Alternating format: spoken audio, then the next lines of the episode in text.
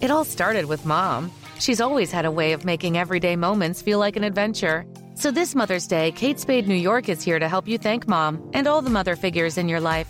From our newest arrivals, like springy dragonfly adorned handbags and jewelry, to gifts under $100, to the best sellers on mom's most wanted list, there's something for everyone. Maybe you can even treat yourself, too. Shop the Mother's Day gift guide at katespade.com.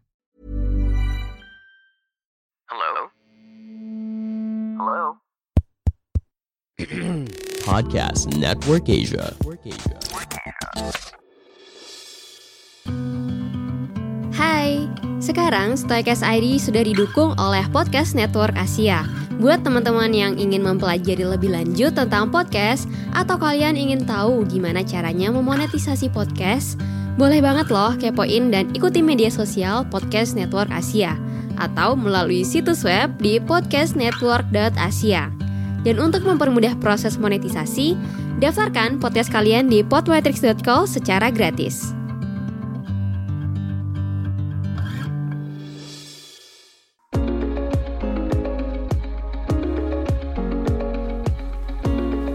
Apa kabar teman-teman? Berjumpa lagi dengan saya Sita Putri di episode terbaru Stoicast ID.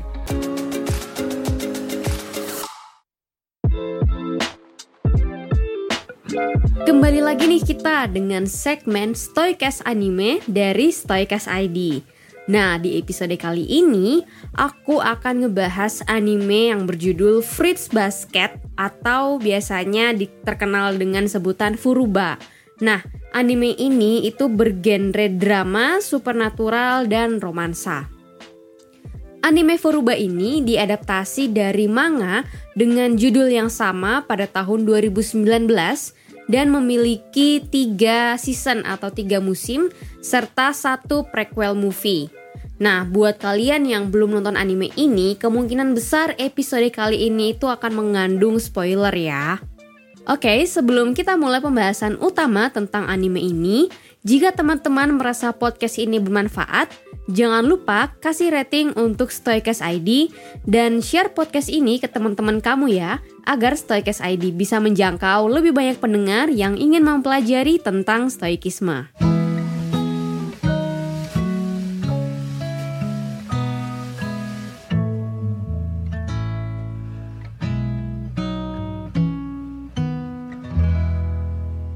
Oke, jadi seperti biasa, sebelum aku mulai membahas lebih ke tokoh-tokohnya, kita akan ngebahas dulu sebenarnya anime Fruits Basket ini tuh anime tentang apa sih?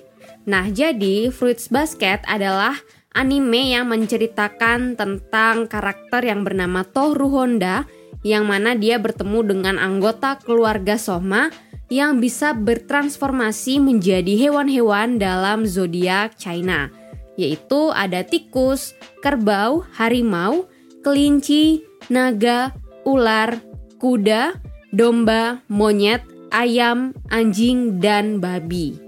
Nah, terdapat juga dua karakter lain dalam anime Furuba ini yang tidak termasuk dalam zodiak, yakni kucing dan juga dewa. Namun mereka ini termasuk dalam kutukan keluarga Sohma. Disebut kutukan karena setiap kali anggota atau orang lain yang berlawanan jenis memeluk mereka atau ketika mereka sedang stres itu dan menjadi lemah, nah anggota Sohma ini berubah menjadi hewan sesuai dengan tahun kelahiran mereka dalam zodiak China. Meskipun anime ini bergenre supernatural dan romansa, namun sebenarnya anime Furuba adalah anime menceritakan tentang sekelompok orang yang dihantui oleh masa lalu dan harus belajar bagaimana mereka bisa menerima dan berdamai dengan masa lalu tersebut. Lalu karakternya ada siapa aja nih? Nah, sebenarnya ada banyak sekali karakter dalam anime ini. Namun, karakter utamanya itu ada tiga, yaitu ada Toru Honda, kemudian ada Kyo Sohma, dan Yuki Sohma yang juga merupakan anggota dari keluarga Sohma. Nah, lalu siapa nih karakter yang memiliki ciri khas seorang stoik dalam anime Fruits Basket? Kalau menurut aku nih, karakter yang punya ciri khas seorang stoik itu adalah Tohru Honda ya. Karena uh, Tohru Honda ini punya beberapa ciri khas begitu. Yang pertama ciri khasnya itu adalah dia merupakan karakter yang uh, mampu menerima kenyataan gitu, mampu menerima keadaannya dia mempraktekkan dengan baik apa yang dalam stoik disebut dengan amor fati gitu.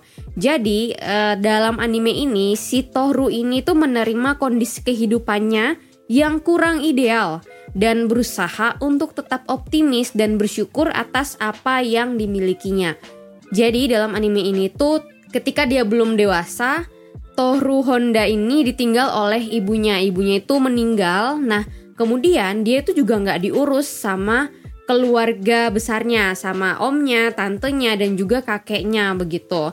Kemudian pada akhirnya dia itu harus terpaksa tinggal di tenda gitu dan tendanya itu kayak di pegunungan gitu yang dekat dengan sekolahnya. Nah, kemudian dia ini juga apa ya yang bikin aku sangat terkesan dengan karakter Toru Honda ini itu adalah ketika rumah tendanya ini tuh tertimpa longsor gitu ya karena di gunung jadi dia itu kayak ya udahlah mau gimana lagi? gitu. Karena rumahnya ini tendanya ini tuh udah kena longsor gitu. Ya mau nggak mau dia harus menyelamatkan beberapa barang yang memang masih bisa diselamatkan gitu. Ciri khas berikutnya dari seorang Toru Honda ini adalah kontrol diri jadi Tohru Honda ini memiliki kemampuan untuk mengendalikan emosinya. Bahkan dalam situasi yang sulit sekalipun, saat rumah tendanya ini tertimbun longsor, Tohru itu tetap bisa sabar dan sabarnya itu emang kelewat batas kayak tadi ya yang aku sangat terkesan dengan karakter ini gitu. Kalau mungkin di kehidupan asli kita itu jarang ada orang yang sesabar Tohru Honda ya pastilah pasti nggak uh, yang uh, sesabar kayak Toru Honda yang ya udah langsung diterima pada saat itu juga ada prosesnya. Kemudian ciri khas selanjutnya yaitu adalah keadilan. Jadi Toru ini memperlakukan semua orang itu dengan adil dan juga baik tanpa memandang status sosial atau latar belakang mereka. Selain itu, Tohru juga menerima semua anggota keluarga Soma tanpa membedakan latar belakang dan masa lalu mereka. Jadi uh, karena akhirnya Tohrul ditolong oleh para keluarga Soma yang memang tinggal juga dekat dengan tendanya itu, dia akhirnya dekat dan berteman begitu ya dan udah kayak keluarga banget mau nggak mau kayak dia membantu uh, membersihkan rumahnya mereka karena dia menumpang di rumahnya keluarga Soma ini dan dia yang sangat bikin aku berkesan uh, terkesan tuh juga dia tuh nggak apa ya nggak memandang oh mereka mereka tuh kena kutukan gitu. Kayak ya udahlah gitu mau gimana lagi? Si Tohru ini tetap mau berteman gitu loh. Nggak kayak yang takut atau gimana gimana bahkan tetap berusaha untuk supel tetap berusaha baik. Meskipun mungkin beberapa anggota keluarga dari Sohma ini itu nggak nerima dia secara langsung gitu. Kayak nggak menerima dia seutuhnya karena mereka takut bahwa kutukan keluarga mereka yang merupakan rahasia keluarga ini akan tersebar gitu. Nah, ciri khas berikutnya dari seorang Toru Honda itu adalah kemandirian. Jadi Toru itu nggak bergantung pada orang lain meskipun dia dikasih bantuan untuk tinggal sementara di rumah dari si keluarga Sohma ini. Nah, tapi dia kayak nggak yang bergantung banget gitu. Jadi di anime ini dijelaskan kalau selama dia memang mampu untuk melakukannya sendiri, si Tohru ini tuh akan melakukannya sendiri tanpa meminta bantuan dari keluarga Sohma gitu. Jadi sering kali keluarga Sohma ini yang kerepotan lah istilahnya karena kok Toru Honda ini kayak nggak nggak mau direpotin banget gitu maunya apa apa sendiri gitu dan juga untuk bisa bahagia Toru Honda ini tuh juga nggak pernah bergantung pada uh, apa yang orang lain perlakukan ke dia gitu. Jadi dia mencari makna hidupnya, mencari kebahagiaan, bahkan uh, mencari kedamaian dalam dirinya sendiri itu dia nggak pernah bergantung dengan orang lain. Nah, secara umum anime ini tuh juga memberikan pelajaran tentang bagaimana pentingnya menerima dan berdamai dengan masa lalu yang dimiliki oleh diri sendiri dan tidak memandang latar belakang orang lain serta mendalami ketidaktakutan dan kedamaian batin dengan memiliki empati dan perhatian terhadap sesama manusia untuk menjalani hidup yang lebih baik. Nah, gimana pendapatmu tentang pembahasan anime Fruits Basket ini? Adakah karakter lain yang menurutmu memiliki ciri khas seorang stoik selain Toru Honda? Atau kalau ada anime lain yang kamu ingin untuk aku bahas di segmen Stoikes Anime, langsung sampaikan aja ke media sosialku yang ada di deskripsi episode podcast ini. Oke teman-teman, sekian dulu episode Stoikes ID dengan segmen Stoikes Anime kali ini. Terima kasih sudah mendengarkan hingga selesai.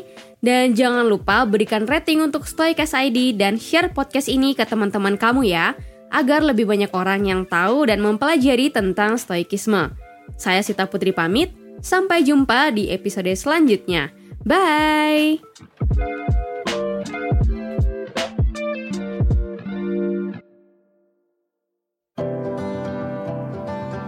Pandangan dan opini yang disampaikan oleh kreator podcast, host, dan tamu tidak mencerminkan kebijakan resmi dan bagian dari podcast Network Asia. Setiap konten yang disampaikan mereka di dalam podcast adalah opini mereka sendiri dan tidak bermaksud untuk merugikan agama, grup etnik, perkumpulan, organisasi, perusahaan, perorangan, atau siapa pun dan apa pun.